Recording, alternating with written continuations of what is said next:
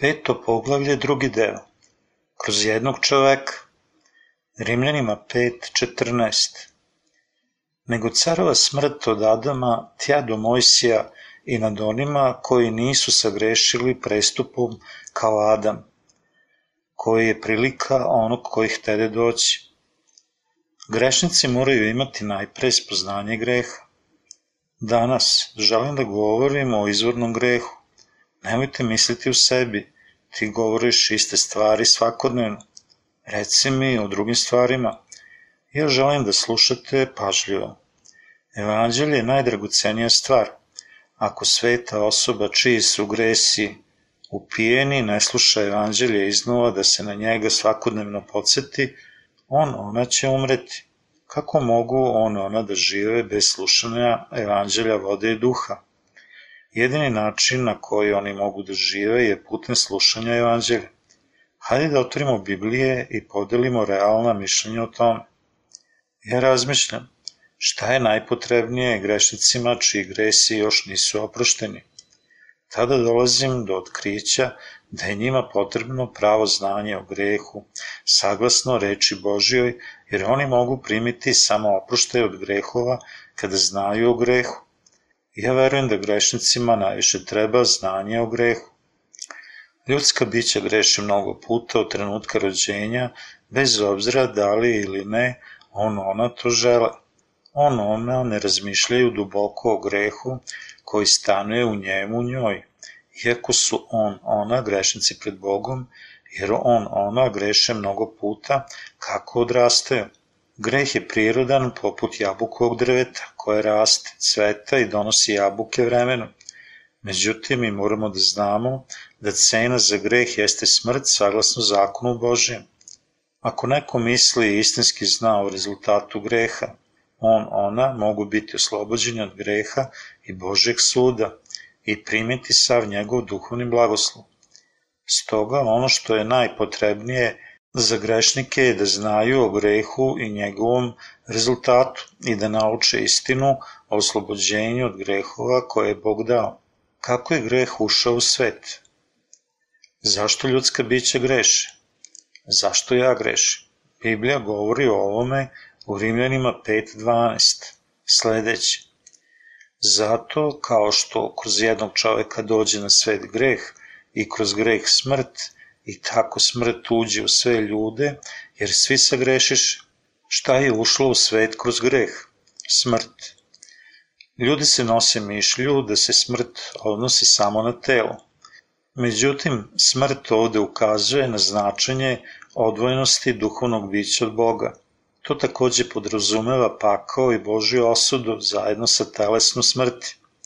Rimljanima 5.12 nam pokazuju kako ljudska bića postaju grešnici. Biblija govori zato kao što kroz jednog čoveka dođe na svet greh i kroz greh smrt i tako smrt uđe u sve ljude jer svi se grešiš. Reč Božja je istina. Kroz jednog čoveka greh je ušao u svet i smrt kroz greh. Mi smo se rodili kao Adamovo potomstvo.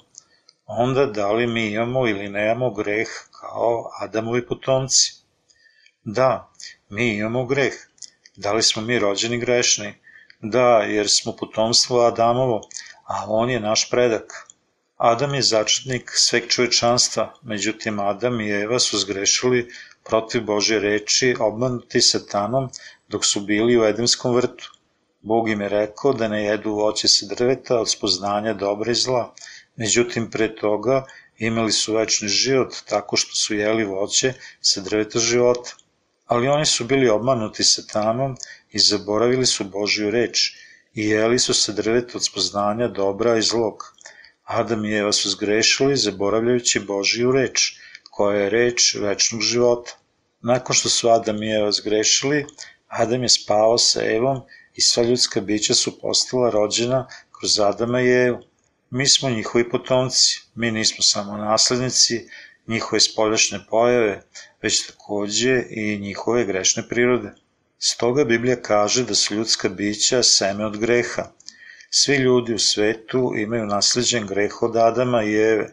Biblija kaže, zato što kroz jednog čoveka dođe na svet greh i kroz greh smrt i tako smrt uđe u sve ljude, jer svi se grešiše. Tako su se svi ljudi rodili grešni. Međutim, ljudi ne znaju da su oni rođeni grešnici. Oni nemaju znanja o grehu, čak i ako su bili rođeni grešni. Drvo počinje da pupi iz ovog semena i da donosi nadalje voće, ali ljudi misle da im je greh stran, jer oni ne znaju da su rođeni od semena greha. To bi bilo isto kao kada bi jabuko drvo mislilo, to je čudno, zašto moram da donosim jabuke? Stoga prirodno je da ljudi budu grešni. Mišljenje da ljudska bića mogu otkloniti greh je potpuno lažno. Prirodno je da ljudsko biće koje nasledi greh čini grehe, čita svoj život i donosi prinos u grehu, ali on, ona nisu dublje razmišljali kako su postali grešni. Šta je Bog rekao? Zato, kao što kroz jednog čoveka dođe na svet greh i kroz greh smrt, i tako smrt uđe u sve ljude, jer svi se grešiš, mi grešimo kroz čitave naše živote, jer smo bili rođeni kao grešnici. Stoga mi zaslužujemo da budemo osuđeni od Boga. Možda mislite, nije li nepravedno da nas Bog sudi kada nemamo izbora osim da grešimo? Međutim, nakon primanja otpuštanja grehova, vi ćete otkriti šta Bog planira da učini da bi nas učinio svojom decom. Svi mi smo potomstvo jednog čoveka, Adama. Onda kako to da ljudska bića koja su potomstvo jednog čoveka Adama imaju različitu boju tela? Da li je njihovo seme različito? Zašto postoje beli, žuti i crni ljudi? Neki ljudi misle da je Bog stvorio čoveka od prašine zemaljske i ispekao ga, Bog je načinio belog čoveka, uzevši ga prerano iz peći, žutog uzimajući u pravo vreme i crnog čoveka uzimajući ga previše kasno. Vi se takođe možete čuditi što ovde postoji crna, bela i žuta rasa, iako su svi ljudi nastali nakon što je došlo do greha kroz jednog čoveka. Biblija jasno izlaže da je Bog načinio Adama u početku nakon što je on kreirao nebesa i zemlju. Adam znači čovek. Bog je stvorio čoveka. Zašto postoje različite rase u svetu? Ako je Bog stvorio jednog čoveka, Adama i sve ljude sveta koji su rođeni kroz njega, mi možemo da upitamo zašto, stoga je ovde odgovor. Naučnici kažu da je pigment u koži, takozvani melanin, nastao kao posledica zaštite od sunca kako se Zemlja kreće oko Sunca, oni koji žive u oblasti sa puno sunčeve svetlosti postali su crni. Oni koji žive u oblasti sa malo sunčeve svetlosti postali su beli.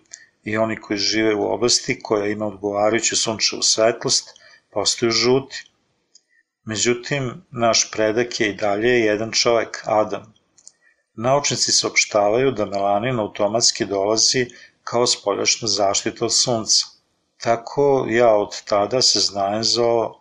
Znao sam da su ljudska bića potomstvo Adamovo, ali nisam znao o melaninu. Mi nismo naslednici samo tela, već takođe i greha, jer smo potomstvo jednog čoveka, Adama. Da li poznajete greh? Hajde da razmotrimo da li su ljudska bića grešnici ili ne, od kada su rođeni u ovom svetu. Tako svako dobro drvo rodove dobre rađa, a zlo drvo rodove zle rađa. Ne može drvo dobro rodova zlih rađati, niti drvo zlo rodova dobrih rađati. Matej 7, 17 do 18 Bog kaže da lažni proroci nose samo lažne plodove, a nikada ne mogu doneti dobre plodove. Mi smo izvorno zle voćke jer smo bili rođeni grešni, tako da ne možemo drugo osim da donosimo zle plodove, jer smo rođeni kao zlo drvo. Mi smo naslednici greha kroz jednog čoveka. Mi smo zlo drvo ako se uporedimo sa drvećem. Ljudsko biće koje je rođeno kao grešnik ne može osim da čini grehe, čak iako on, ona, želi da vodi dobar život i pokušava da ne greši, baš kao zlo drvo ne može da donosi dobro voće. Da li razumete? Ljudska bića zaista žele da žive pristojno, krotko i čestitim životom. Međutim, osoba koje nisu oprošteni gresi i koja je rođena kao grešnik, ne može živeti pravednim životom. On, ona ne mogu biti dobri, čak i sa beskrajnim naporima. Neki alkoholičari pokušavaju da ne piju vrlo naporno, ali na kraju oni spaštaju od alkoholizma i njihove porodice ih prepuštaju bolnicama. Jednog dana posmatrao sam program sa naslovom Želim to da znam. Na TV-u jedan čovjek je bio pritvoren u mentalnoj bolnici na 13 godina.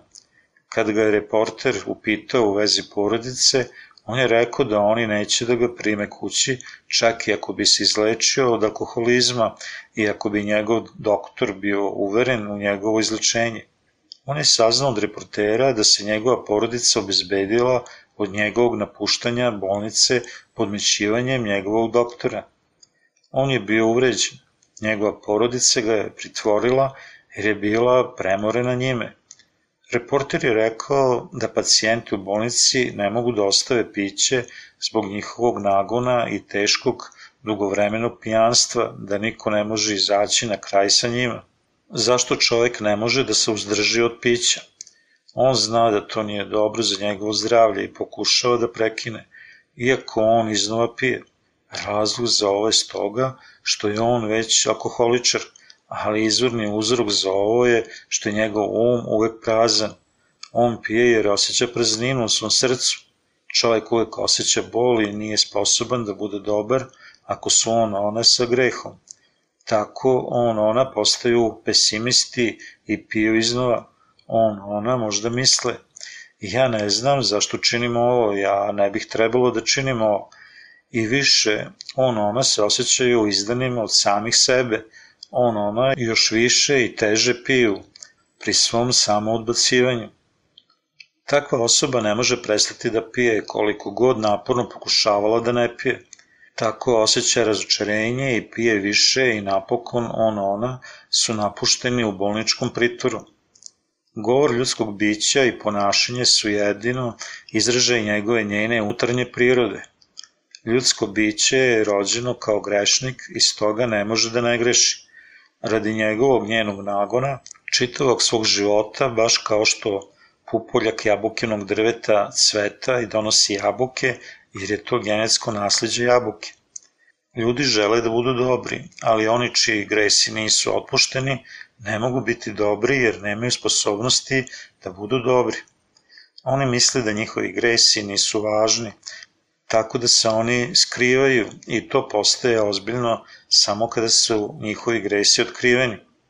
To je prirodno, instinktivno je i svojstveno grešniku da greši jer on ona su rođeni kao masa greha nasleđenih putem prirode.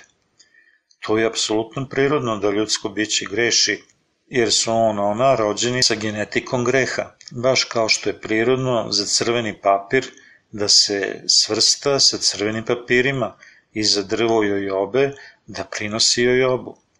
Ljudska bića ne mogu otkloniti grehe jer su on, ona, rođeni kao grešnici. Kako može ljudsko biće živeti bez sagrešenja kada su on, ona, rođeni sa grehom? Čovek je rođen sa 12 vrsta zlih namera. Isus je rekao u Marku, poglavlje 7, da su ljudska bića rođena sa 12 vrsta zla, to jest preljuba, blud, ubistvo, krađa, požuda, zloća, obmana, nepravda, zlo u oku, hula, ponos i nerazumnost. Mi smo rođeni sa željom da krademo, miso o lopovluku je uključena u nasljedstvo greha. Da li kradete? Svako krade. Ako on one ne kradu, to je stoga što ljudi posmatraju njega nju. Međutim, kada nikoga nema oko njega, nje, i tu je neki privlačni objekat u naokolo, greh krađe dolazi i čini da on, ona, počine greh, tako što ukradu. Tako ljudska bića prave etiku i pravila koja treba držati. Ljudska bića stvaraju svoja lična pravila koja pokazuju da nisu ispravna i štete ostalima. Pravila su potrebna kada puno ljudi žive zajedno u društvu. Mi moramo živeti saglasno socijalnim normama, međutim mi krademo kad smo sami, bežeći od pogleda drugih. Ne postoji ni jednog koji nije ukrao, svako krade. Već dugo vremena ja sam molio skup na evanđelskom sastanku da podigne ruke oni koji nikad nisu zgrešili u svojim životima. Jedna baka je podigla svoju ruku i rekla, ja nisam nikada ništa ukrala, tako da sam ja upitao da li je ona ikada uzela nešto na svom putu kući. Tada je ona, iznenađena neočekivanim pitanjem, i odgovorila rekaši, ja sam jednom videla mladu bundevu na mom putu kući. Pomislila sam da će to biti delikades, tako da sam pogledala unokolo i primetila da nema nikoga unokolo. Ja sam je smotala, sakrila je u moju podsuknju i stavila je u lonac sa pireom od graška, skuvala je i pojela. Ona nije znala da je počinila greh krađe. Međutim, Bog je rekao da je greh uzeti tuđu imovinu bez dozvole. Bog je zapovedio, ne kradi. U zakonu Mojsijevom svako ima iskustvo krađe nečega. Ljudska bića su vešta u ubistvu i krađi svega kad god on ona dobio priliku. On ona kradu životinje poput zečeva i kokošaka iz domaćinstva drugih ljudi. Ovo im je rečeno o krađi. On ona čak nisu ni svesni greha, iako međutim on ona ubijaju i kradu. To je prirodno za njega, nju, da čine tako jer su on, ona, naslednici greha od vremena rođenja. Ljudska bića su nasledila greh. Ljudska bića su takođe naslednici greha preljube od svojih roditelja. On, ona su rođeni sa žudnjom da počine preljubu. On, ona sigurno počine preljubu kada nema nijednog čoveka unokolo. Ljudi vole tamna mesta poput kafea i salona. Ta mesta su veoma popularna za grešnike. Zašto? Ta mesta su dobra da pokažu nasledđe greha. Međutim, gospoda vole ta mesta. Oni su dobri očevi kući i ljudi visokog socijalnog položaja, ali oni idu na tamne mesta koja su puna greha. Oni idu na mesta na kojima mogu da pokažu svoju grešnu prirodu i da donesu plod greha. Oni se susreću na tim mestima i uskoro postaju kao stari drugovi nakon što popiju neku čašu alkohola. Oni postaju veoma bliski tek što bi se susreli, jer svaki od njih ima iste grešne atribute. Da li ti imaš ovo takođe? Ja imam to. Pa i ja. Ti si moj drug. Koliko si star? Godine nisu važne. Drago mi je da smo se upoznali. Ljudi pokazuju svoje nasleđene grehe jedni drugima kada go se sretnu sa drugim grešnicima jer su oni bili rođeni u svetu sa grešnim atributima. Prirodno je da oni greše. Zašto?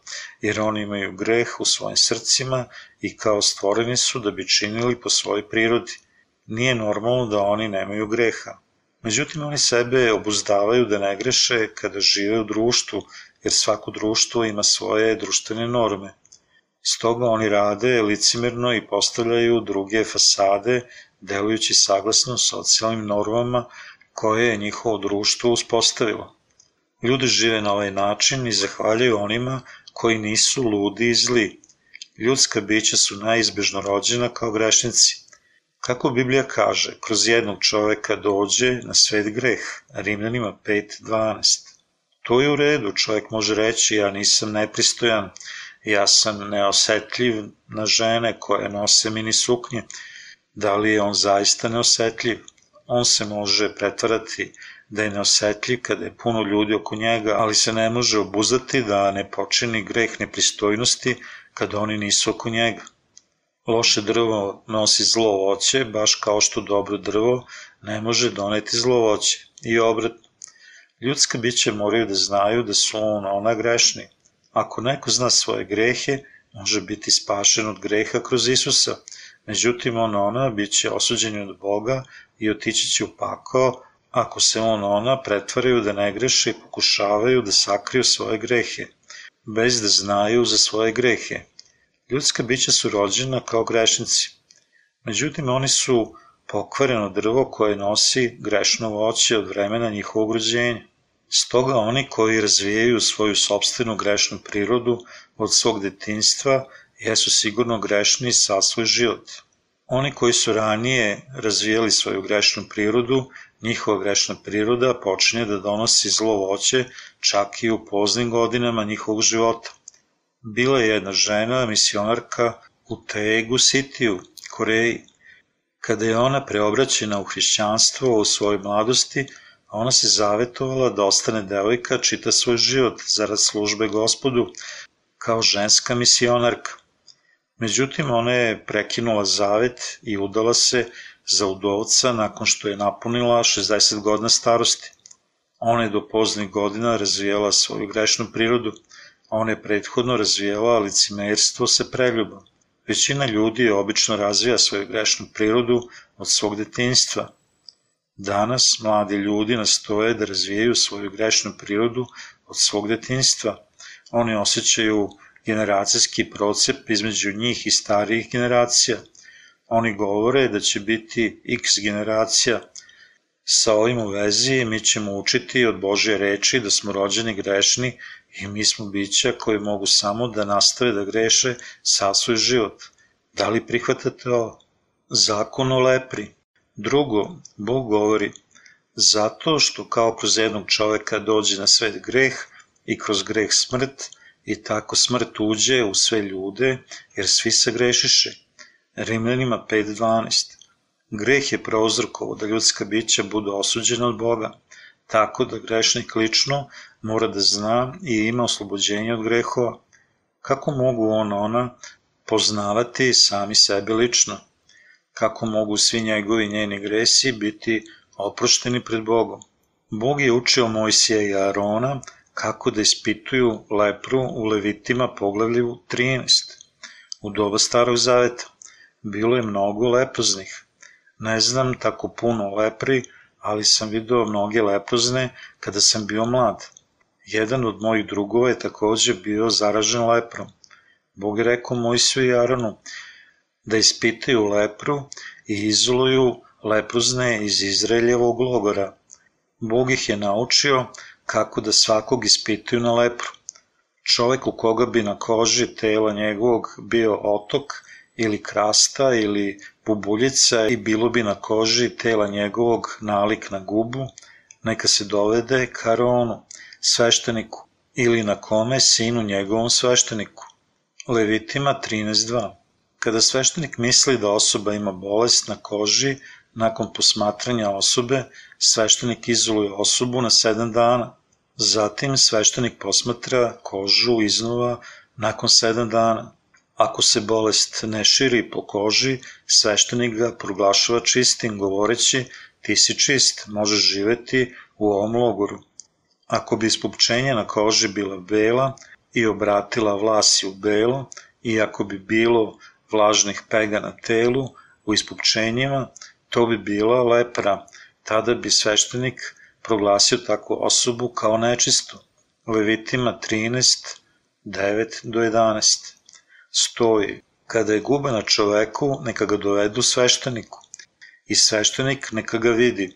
Ako bude beo otok na koži i dlaka bude pobelela, ako bi zdravo meso bilo na otoku, gube je zastarela na koži tela njegovog.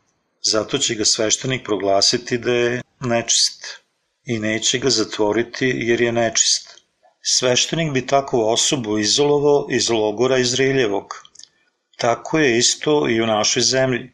Postoje izolovana sela za leprozne u Koreji poput Cvetnog sela ili Sorok ostrava. Pre puno vremena na mom putu kući Čitajući u autu, moja žena je uporno tražila da gledamo unakolo gde je tabla Cvetno selo na modernom autoputu. Tada sam ja pomislio, ti ne znaš šta je Cvetno selo. Rekao sam joj, draga, zar misliš kako želiš da posetiš grad? Ona reče da. Međutim, ona je bila zadivljena kada je čula da je Cvetno selo bilo mesto gde žive leprozni i ona nikad nije tražila iznova da idemo u Cvetno selo. Leprozni su izolovani iz društva po izolacionim selima. Ovde, na što želimo da obratimo pažnju, je da sveštenik proglašava neku osobu čistom kada se lepra raširi i prekrije svu njenu njegovu kožu.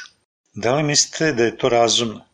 Sveštenik izoluje osobu kada se lepra proširi samo malo i sveštenik kaže osobi da živi u logoru Izraelja kada zaraza lepre prekrije svu kožu, od glave do pete. Bog je rekao svešteniku kako da klasifikuje lepru.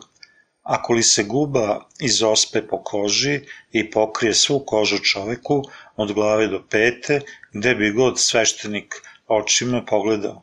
Levitima 13.12 Na ovaj način je Bog rekao sveštenicima da klasifikuju lepru.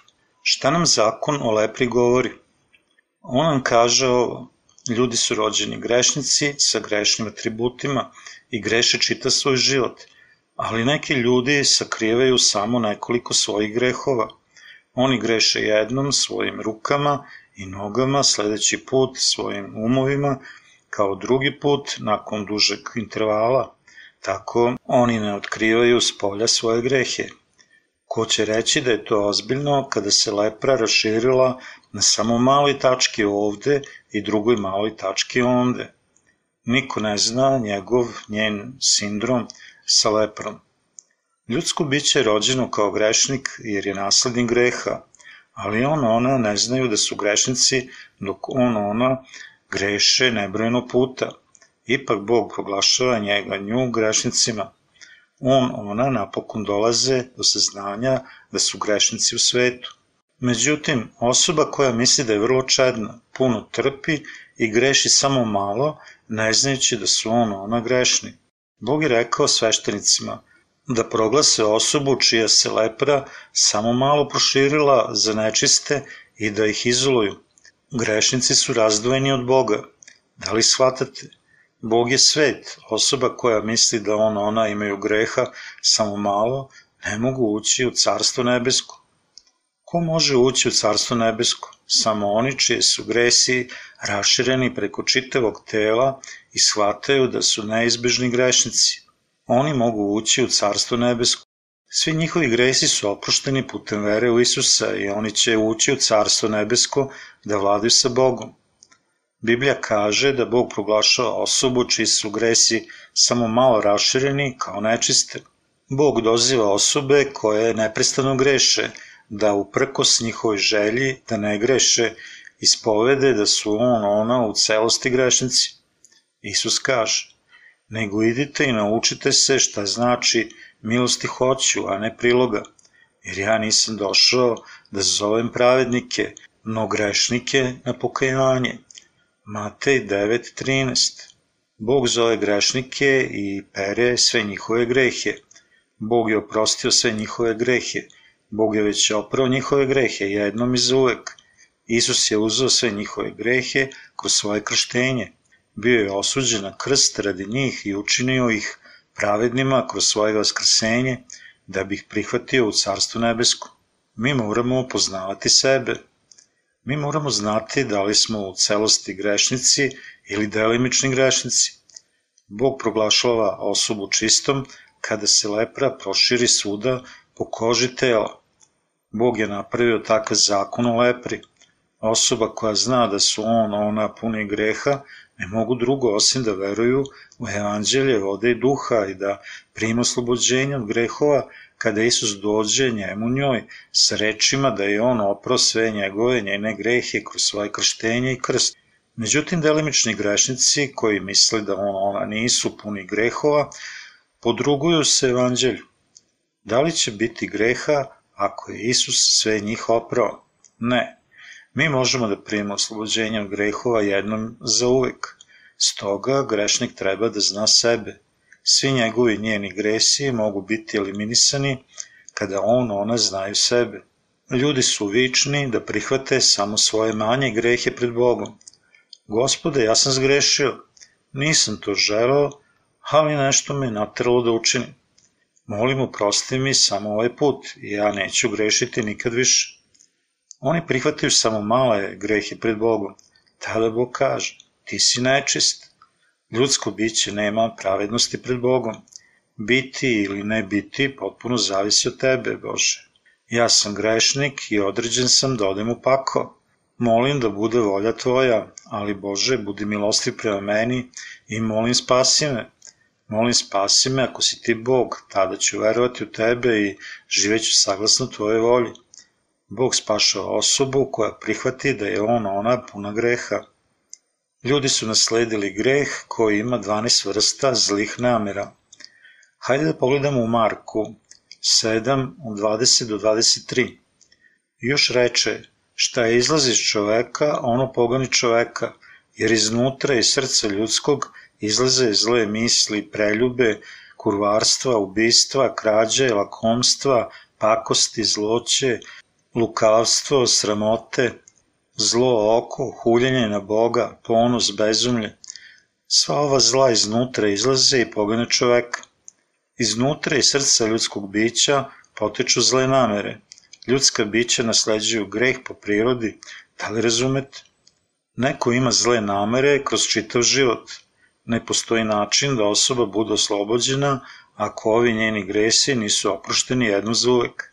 Ljudska bića su rođena sa ovih 12 vrsta zlih namera.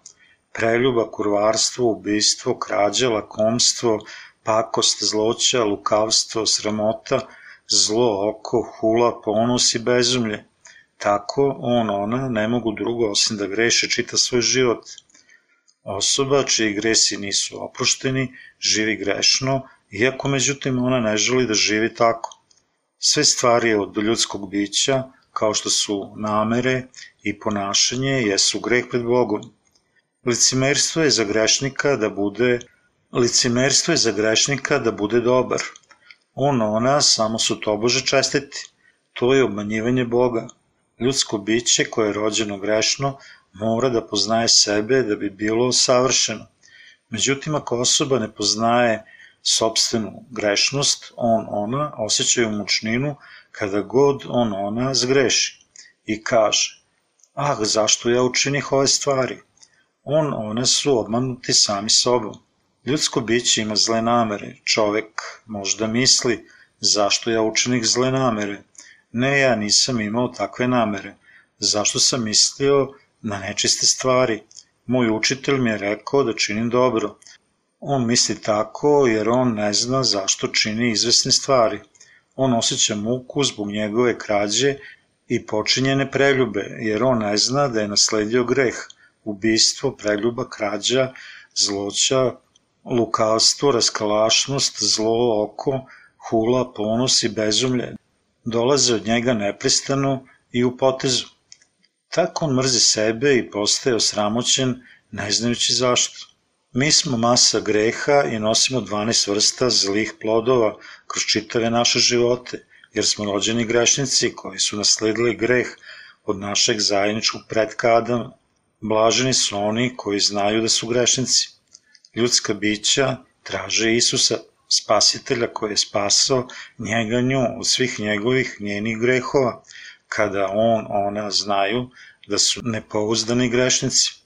To je jedini način da budu blagosloveni od Boga. Međutim, ljudska bića ne traže spasitelja ako on, ona ne poznaju sami sebe.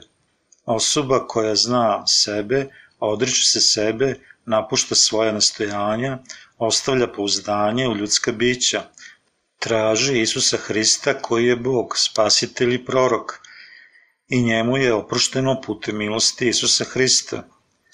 Grešnici treba da znaju sebe, jer oni koji znaju sebe mogu biti blagosloveni pred Bogom. Onaj ko ne zna sebe ne može biti blagosloven. Stoga grešnici treba da znaju sebe kakvi su. Da li razumete? Da li ste ikad činili zle stvari pre nego što ste primili otpuštanje grehova? Ako jeste, da li znate zašto? Vi ste činili zle stvari proti svoje želje, jer ste nasledili greh. Kako je kroz jednog čoveka greh ušao u svet i smrt kroz greh? Smrt je neizbežna za ljudska bića, jer imaju greh. Ljudska bića treba da traže Isusa i sretne ga da bi bilo oslobođeno od greha i tako da njegovi i njeni gresi mogu biti upijeni. Tada on, ona mogu imati večni život. Da li želite da budete oslobođeni od svih vaših grehova? Nego carova smrt od Adama, tja do Mojsija i nad onima koji nisu sagrešili, prestupivši kao Adam, koji je prilika onog koji htede doći. Ali dar nije tako kao greh. jer kad kroz greh jednog pomreše mnogi, mnogo se veća blagodat Božija i dar izli izubilno na mnoge blagodaću jednog čoveka Isusa Hrista. I dar nije kao greh jednog, jer za greh jednog bio osuđenje, a dar od mnogih grehova opravdanje. Jer kad za greh jednog carova smrt kroz jednog, koliko će većma oni koji imaju izobilja blagodati i dar pravde u životu carovati kroz jednog Isusa Hrista. Zato, dakle, kao što za greh jednog dođe osuđenje na sve ljude, tako i pravdom jednog dođe na sve ljude opravdanje života. Jer kao što neposlušanjem jednog čoveka postaše mnogi grešni, tako će poslušanjem jednog biti mnogi pravedni. A zakon dođe uz to da se umnoži greh, jer gde se umnoži greh, onda se još većma umnoži blagodet. Da kao što carova greh za smrt, tako i blagodet da caruje pravdom za život večni, kroz Isusa Hrista, gospoda našeg. Rimljanima 5, od 14 do 21. Zato kao što kroz jednog čoveka dođe na svet greh i kroz greh smrt, i tako uđe u sve ljude, jer svi se grešiše. Rimljanima 5.12. Ovde ko je jedan čovek? Adam. Eva je takođe nastala od jednog čoveka, Adama. Tako Biblija govori, pomoću jednog čoveka. Bog je stvorio jednog čoveka u početku i kroz jednog čoveka greh je ušao u svet. Bile su dve osobe u vrtu Edena sa naše strane, ali u biti bio je jedan čovek sa Bože strane. Sve ljudske rase su nastale od jednog čoveka Adama. Reči kroz jednog čoveka, greh je ušao u svet, znači da je svo potomstvo Adamovo postalo grešno, jer je Adam zgrešio. Smrt je prešla na svo čovečanstvo, jer su oni zgrešili. Smrt je bila presuda svim ljudskim bićima zbog greha. Bog ne može prevideti osobu koja je grešna. Bog je svemoguć, ali ne može da učini dve stvari. On neće reći laž, niti pustiti osobu koja ima greh da uđe u carstvo nebesko. On izvršava svoj zakon tako kako je on i obećao. Bog će sigurno osuditi osobu koja je grešna, jer Bog ne može reći laž, niti ignorisati zakon koji je on lično uspostavio. Sva ljudska bića su postala grešnici putem jednog čoveka, Adama, koji je pao i zgrešio pred Bogom. Božja osuda i smrt su se raširili na svo čovečanstvo, jer je ono bilo proizvod grešnika i rođeno kao potomstvo jednog čoveka, Adama. Smrt se proširila na svakog od njih, upravo tako. Kada je Bog stvorio čoveka u početku, nije bilo smrti, tamo nije bilo samo drveta od poznanja dobra i zla, već takođe drvo života, Bog je zapovedio Adamu da jede voće sa drveta života i živi večnim životom. Međutim, Adam je bio obmanut od satane i jeo je voće sa drveta poznanja dobra i zla, za koje mu je Bog zapovedio da ne jede. I tako izazvao Boga odbaciši njegovu reč. Stoga se smrt proširila na sve ljude sveta radi greha. Smrt je ušla u svet kroz jednog čoveka Adama. Zašto je Bog dao čoveku zakon? Da greh nije ušao u svet kroz Adama, smrt se ne bi proširila na sva ljudska bića. Zašto ljudi umiru?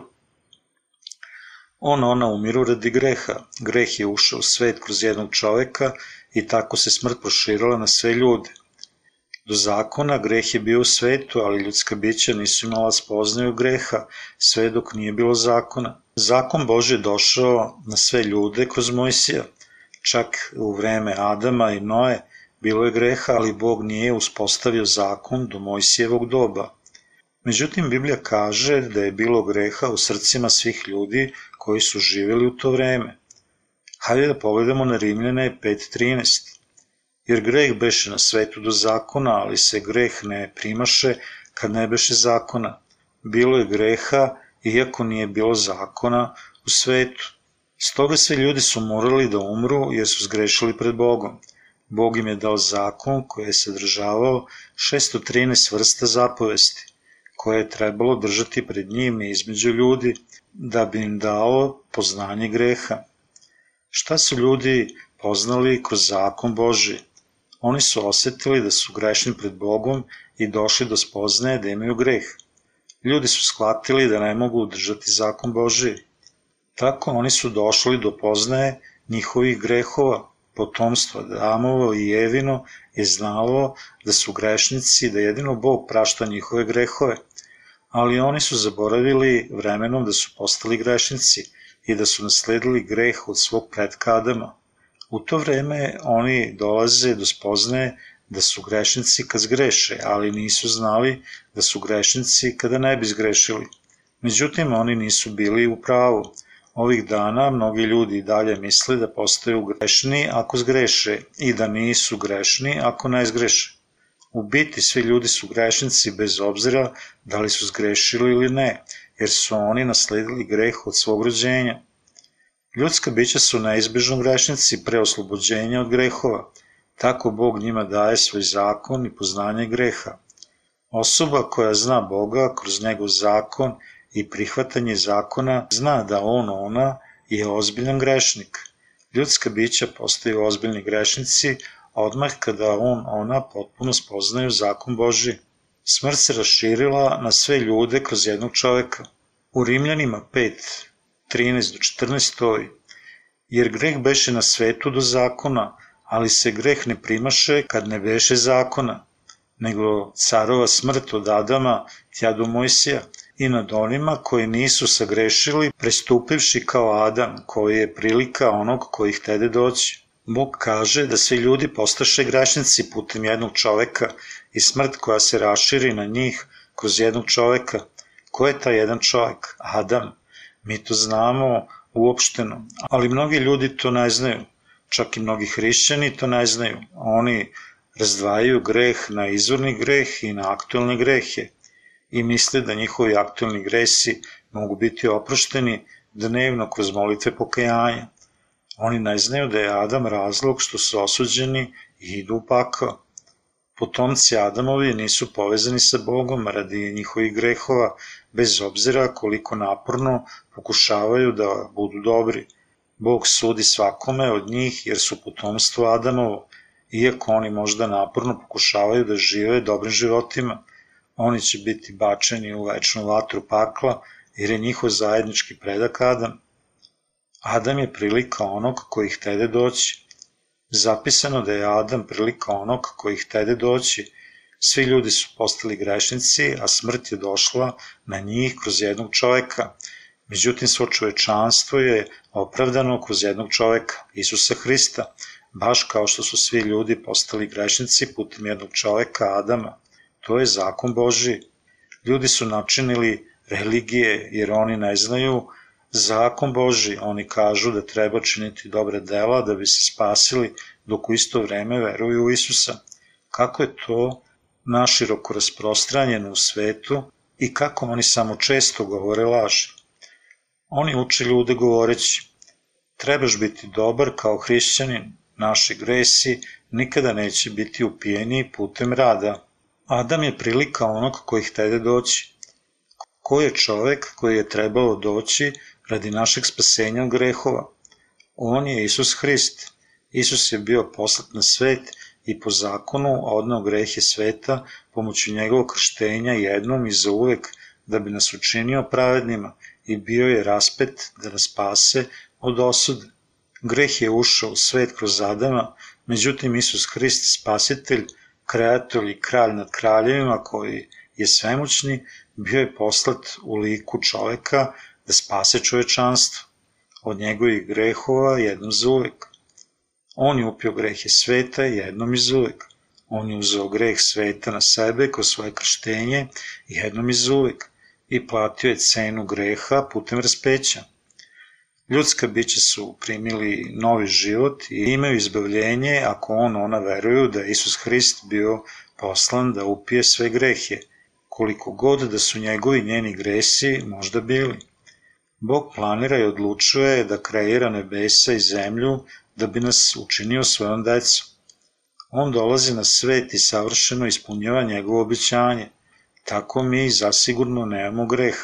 Bog nikada nije napravio grešku. Adam je bio prilika onog koji htede doći. Ja ne razumem zašto ljudi trče na svoje sobstvene poslove. Naše spasenje potpuno zavisi od Isusa. Ljudska bića postaju grešnici kroz jednog čoveka, Adama, i izbavljeni su kroz jednog čoveka, Isusa. Jedina stvar koju mi treba da učinimo je da verujemo u spasenje za otpuštanje grehova. To je jedina stvar koju treba da uradimo. Mi nemamo šta da učinimo, osim da se radujemo činjenicom da je Isus upio sve naše grehe. Tim povodom, zašto primoravate ostale ljude da revnosno čine dobra dela? Mogu li ljudi biti oslobođeni od svojih grehova kroz svoja dela? Ne. Spasenje zavisi samo od vere u otpuštanje grehova. Besplatan dar nije kao greh.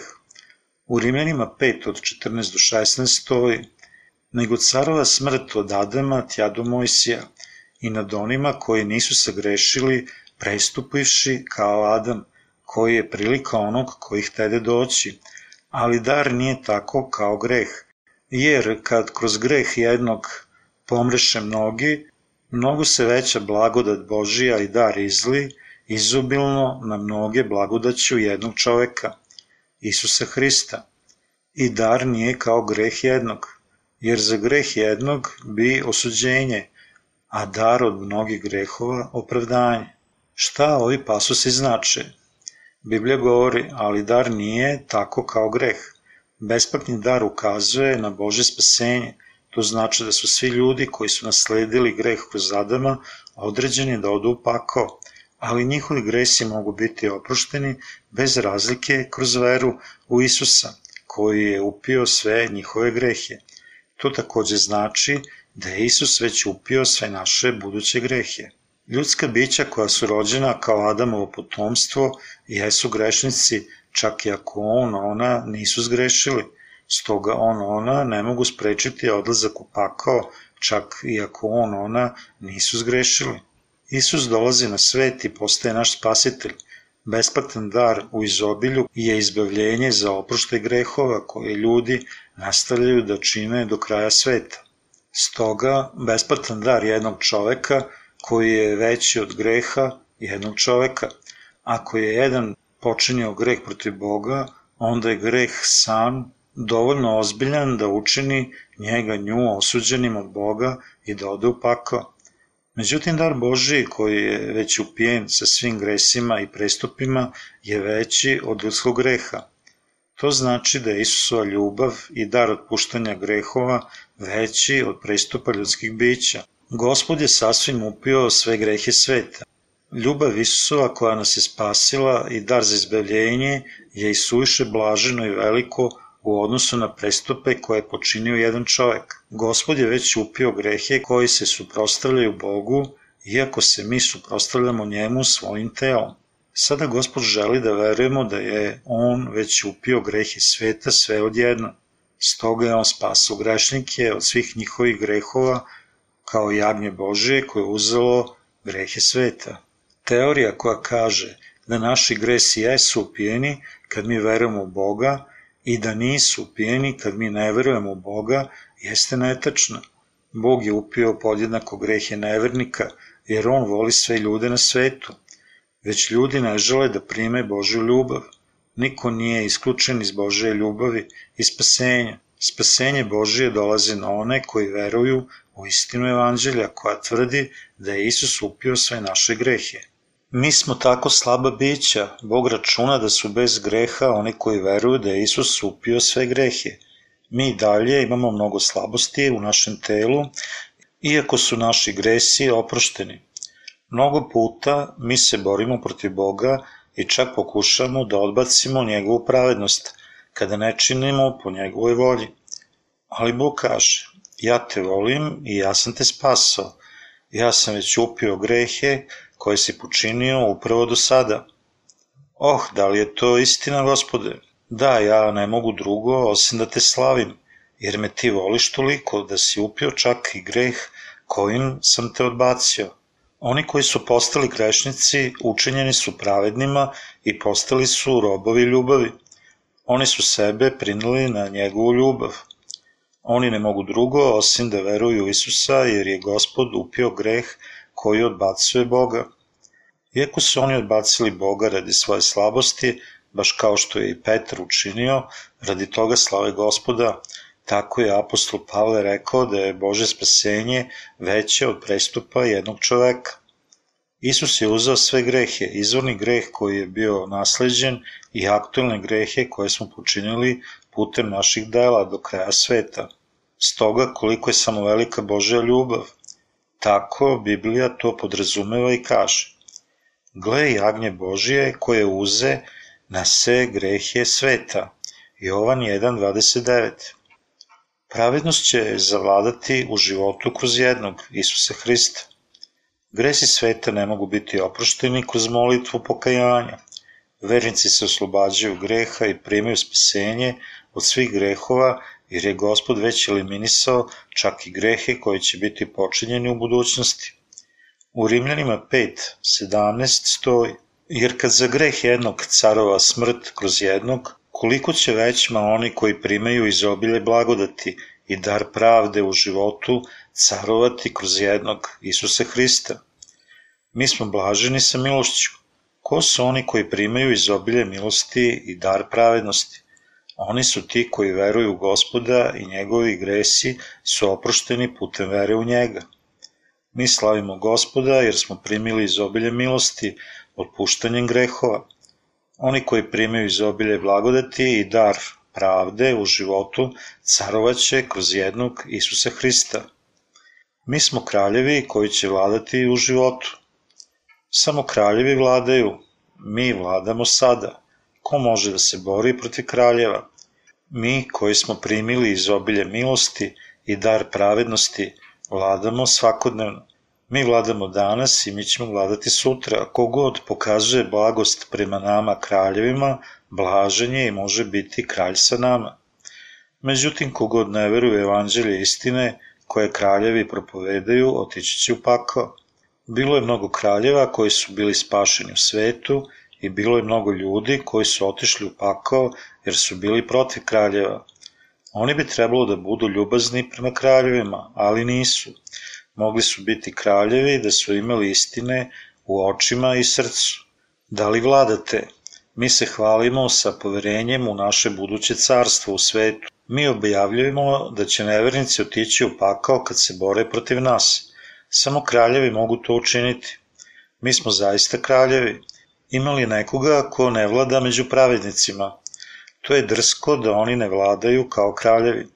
Kralj treba da se vlada kao kralj. Vi imate pogrešno mišljenje.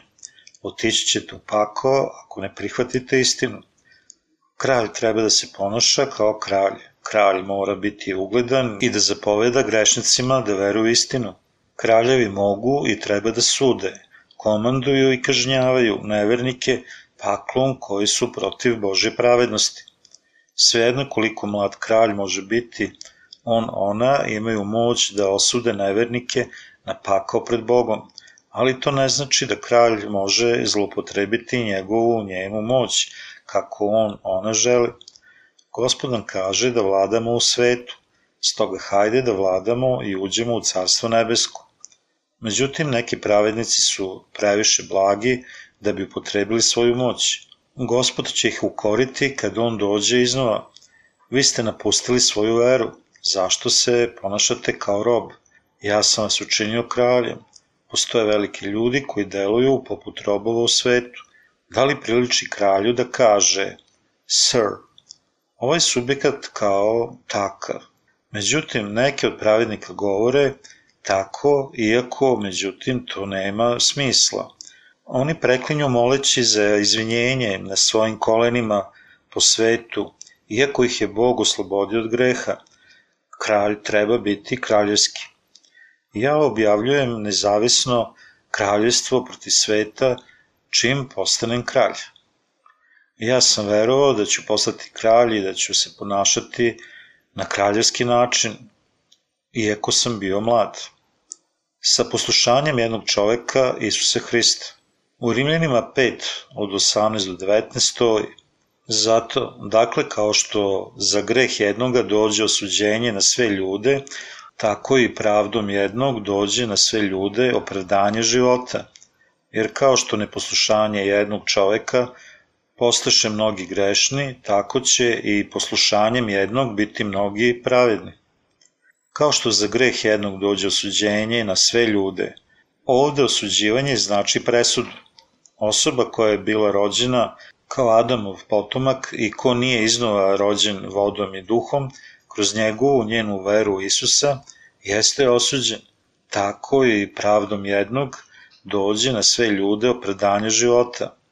Svi ljudi su učinjeni pravednima putem pravednog Isusovog dela, koji je bio rođen od device Marije i bio kršten u reci Jordanu da bi nosio sve grehe sveta. On je žrtvovao svoj život budući da je raspet umesto nas, da bi nas sve učinio pravednima. Putem poslušanja volje Boga Oca od strane jednog čoveka, mnogi su učinjeni pravednima.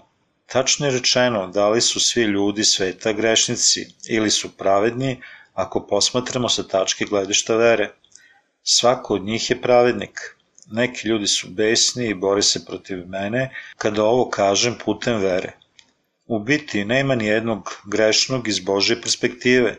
Bog je poslao svog jednorođenog sina u svet i prenao sve grehe sveta na njega i dopustio da bude osuđen kao predstavnik sveg čovečanstva. Ljudi ulaze u carstvo nebesko ili pakao saglasno njihovoj veri. Bog nikada više nije osudio svet jer je on presudio Isusu umesto svim ljudima. Međutim, neki ljudi veruju u to, a drugi ne. Iako je međutim Sin Božje uzao sve grehe i upio ih putem svoje poslušnosti Božje volje. Nevernici ulaze u Carstvo nebesko putem vere u Božju pravednost. Bog ih smatra pravednima i kaže, vi ste pravedni, vi verujete da sam ja zaista upio sve vaše grehe. Hajde, ja sam pripremio Carstvo nebesko za vas. Oni sasvim ulaze u Carstvo nebesko. Ali neki ljudi koji ne veruju u njega i odbacuju evanđelje kažu Bog, da li je istinit? Ja ne mogu da verujem u to. Da li je istinit? Je zaista neshvatan. Bog će reći, zašto me gneviš? Veruj u mene ako želiš da veruješ, ali nemoj verovati ako ne želiš verovati. Da li je evanđelje vode i duha istina, gospode? Ja sam te spasao. Ja ne mogu da verujem u to, ja mogu da verujem najviše 90%, ali ja sumnjam skoro 10%. Tada će Bog reći njima, vi ne verujete to, mada sam vas ja spasao, saglasno vašoj veri. Ja sam sredio svoje misli da pošaljem one koji imaju greha kao potomstvo Adamovu pakao. Ja sam načinio carstvo nebesko takođe. Uđi u carstvo nebesko ako želiš, ili idi u pakao ako želiš da budeš bačen u vatru pakla. To zavisi od tvoje vere da li ćeš ući u carstvo nebesko ili pakao. Da li veruješ da te Isus spasao od svih tvojih grehova svojim krštenjem i krvlju koju je prolio na krstu? To zavisi od tvoje vere. Ne postoji ništa između carstva nebeskog i pakla. Ne postoji takva stvar kao ne pred Bogom. Postoji samo da. Bog takođe nama nikad ne kaže ne. Bog je ispunio sve što je obećao. On je upio sve grehe od grešnika. Pojavom greha milost se javila mnogo više. Hajde da pogledamo na Rimljane 5 od 20 do 21. A zakon dođe uz to da se umnoži greh. Jer gde se umnoži greh, onda se još većma umnoži blagodat. Da kao što carova greh za smrt, tako i blagodat da caruje pravdom za život večni. Kroz Isusa Hrista, gospoda našeg. Zašto je zakon došao? Da učini prestupe javnim Ljudska bića kao Adamovo potomstvo neizbežno greše po prirodi, ali ne znaju svoju grešnu prirodu i stoga Bog daje ljudskim bićima zakon da bi im dao spoznaju greha, jer zakon zapoveda šta da rade i šta da ne rade. I postalo je greh ne slušati zakon mišlju i delom. Zakon je došao da bi prestupi mogli da se pojave. Bog nam je dao zakon radi spoznaje da smo ozbiljni grešnici, međutim, gde se greh pojavi, milo se javi mnogo više. Ovo znači da je osoba rođena sa grehom kao Adamovo potomstvo, ali misli da je on ona lično manji grešnik koji ne može učiniti ništa sa činjenicom da je njega nju spasao Isus. Međutim, oni koji misle da on, ona imaju mnogo slabosti i ne mogu živeti saglasno Božim rečima, svojim delom, zahvaljuju gospodu koji ih je spasao. Evanđelje kaže da gospod koji je uzao sve grehe sa sveta odjednom i jeste veliki dar za svaku osobu, jer gde se umnoži greh, onda se još većma umnoži blagodat. Dar se umnožio da bi ozbiljni grešnici bili savršeni pravednici. Manji grešnici koji misle da nisu puni greha, otići će u pakao. Samo ozbiljni grešnici su učinjeni savršeno pravednima. Tako osoba koja zna da on, ona, jeste ozbiljan grešnik, uveliko slavi spasenje Isusovo. Postoji nekolicina po prirodi dobrih propovednika među propovednicima, evanđelistima u svetu. Gde se umnoži greh, onda se još većma umnoži blagodat. On se ne misli da mi možemo grešiti u svrhu većeg umnožavanja blagodati. Apostol Pavle kaže u Rimljanima 6.1 Šta ćemo dakle reći? Hoćemo li ostati u grehu da bi se blagodat umnožila? Pavle misli, mi smo spašeni samo ako verujemo u Božju pravednost. Gospod je već upio sve naše grehe i izobilno spasao grešnike od svih njihovih grehova. Mi smo učinjeni pravednima putem vere naših srca. Mi možemo biti spašeni ako verujemo u ono šta je Gospod učinio.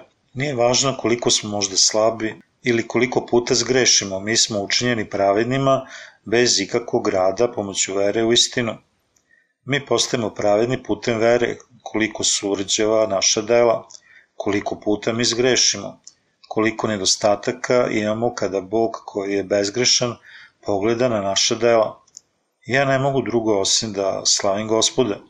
U Rimljanima 5, 20 do 21 stoji Gde se umnoži greh, onda se još većma umnoži blagodat, da kao što carova greh za smrt, tako i blagodat da caruje pravdom za život večni, kroz Isusa Hrista, gospoda našeg.